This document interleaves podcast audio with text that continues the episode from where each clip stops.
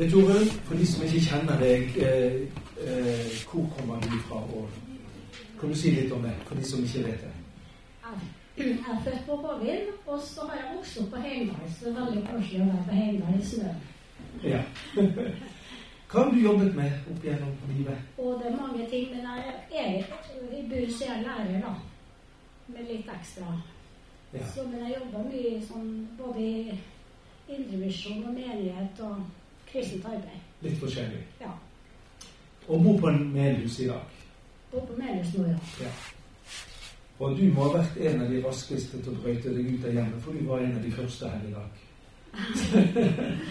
Men du, eh, Britt Ove, når, når jeg ringte deg, så var det fordi at eh, vi har jo nå eh, tre søndager hvor vi snakker litt om nådegavene. Og eh, eh, du er en som har mye erfaring med det, eh, har vi merket. Eh, og, eh, og vi har merket spesielt så har mange blitt oppbygget når du har kommet med profetiske budskap, f.eks. Kan du si litt hvordan du kom på sporet av dette med profeti og tungetall i ditt eget liv? Ja, det, det var en lang vei. Da var jeg var ganske ung, og var menighetssekretær i Rendu. Og så var jeg barnearbeider for noe som heter Mor og barnehage i hele kommunen. Og så husker jeg en gang jeg lå på senga og gråt fordi at det var så mye avisskriving om at må- måtte jo andre enn kristne begynne å ha litt barnearbeid. Og det hele, hele bygden var med på det her. Og det var et veldig rikt arbeid. Men, men det var vondt å få motgang. Og, og så når jeg lå på senga og gråt, og så plutselig så kjenner jeg oi, nå babla det noen ord inni meg. Hva er det her nå? Og nei, sa jeg til Gud. Skal jeg ha tungetale? Det hadde ikke jeg tenkt. Så jeg sa nei til å begynne med. Men så så landa jeg på det at ok, Gud, jeg tar imot det du vil gi meg. Og ba da. Og så gikk det vel, jeg tror det gikk noen år. Så plutselig så kjente jeg at jeg var på møte, og så kjente jeg at jeg skulle stå frem med det. Et budskap. Og det Da var det en forkynner der, heldigvis, som, som kjente meg og sto og holdt armen rundt meg mens jeg tok i tunga. Og han fikk eh, over, eh, hva heter det, tydning, da. Martin Omdal. Og, og det gjorde meg så godt og trygg også. Så jeg hadde en vei å gå med å være villig og lydig. Og særlig en gang etter å ha vært i Salem på eh, stort sånt møte med fullt i begge salene. Og, og jeg kjente at jeg skulle fram. Og det tok så lang tid før noen eh, kom med tydning. Og jeg streva med Gud om natta og sa aldri mer skal jeg stå fram. Men det var en sånn kamp.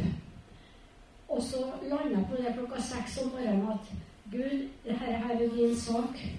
Du må lede meg. Du må gjøre det. Du må rydde opp etter meg. Og så får det være ditt område. Og så Etter hvert så hadde Marvin han hadde Stein Olav han hadde tydning. Men han syntes det der var så trasig. Og så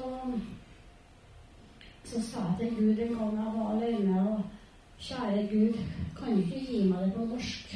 Så slipper Svein Olav å stille seg fram. og da Først så fikk jeg noe budskap på norsk som jeg skrev ned bare. På ark jeg har inne. Og det overraska meg. Og så fikk jeg på bokmål. Jeg som er trønder og Ja. Men um, så etter hvert så kjente jeg sånn hjertebank en måte. Jeg skulle fram med sånt òg. Det, det var en kamp i det. Det var det. Mm. Uh, uh, fikk du noen tilbakemeldinger når du Altså, du, du begynte først eh, å tale litt i tunga, og så fikk du etter hvert eh, mer sånn profetisk eh, tale eller budskap.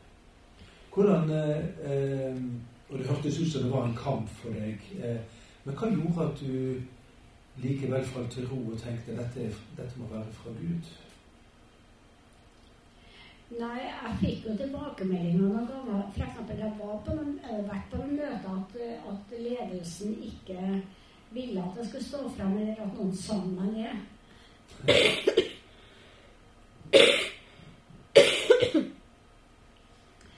Og så noen ganger når det har vært sånn stor kamp, så, så har jeg, jeg har kjempa tenkt skal jeg virkelig stå fram? Og da har jeg gang på gang fått tilbakemelding etter noen dager at det her det betyr så mye for meg.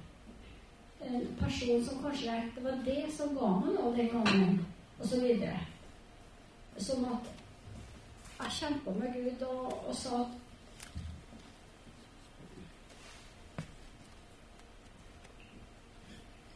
Gud, jeg er villig. Skammen er din. Æren er din. Det er ditt ord. Du må rydde opp. Mm. Ja. Grei arbeidsfordeling. Du, eh, det er litt interessant det du sier med tungetale. Eh, eh, jeg har sjøl erfart, og folk har sagt, at de, de føler seg litt sånn dum og litt sånn idiotisk første gang. For man skjønner jo ingenting. Har du opplevd litt av det samme? Mm. Føler du at det, det kanskje kan liksom kvele hele gaven for noe? Tror du? Ja, jeg tror det kan det.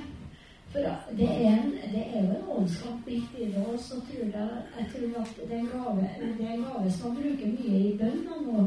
Uh, Sjøl eller ligger på senga og det er litt tunge og sånn. Men så tror jeg at en Hvis en våger å stå fram og føle at en dummer seg til, føle at det her er så rart, så, så tror jeg den onde vil prøve å ta ifra oss motet. Det har jeg opplevd gang på gang.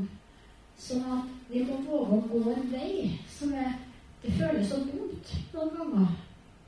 Men det er sånn i mange oppgaver vi har. Men at Gud får lede oss, at vi får lydig og ja, gjør det. Og så Ja, vi er ikke perfekt, men Gud bruker oss sånn som vi er. Vi har forskjellige gaver. Mm. Flott. Eh, jeg tenkte vi kanskje skal gi litt rom for eh, eh, Hvis noen har spørsmål til deg om dette før jeg skal begynne å si litt om det, så jeg tenker vi skal gi litt rom for det nå, hvis noen har det kommentarer eller spørsmål.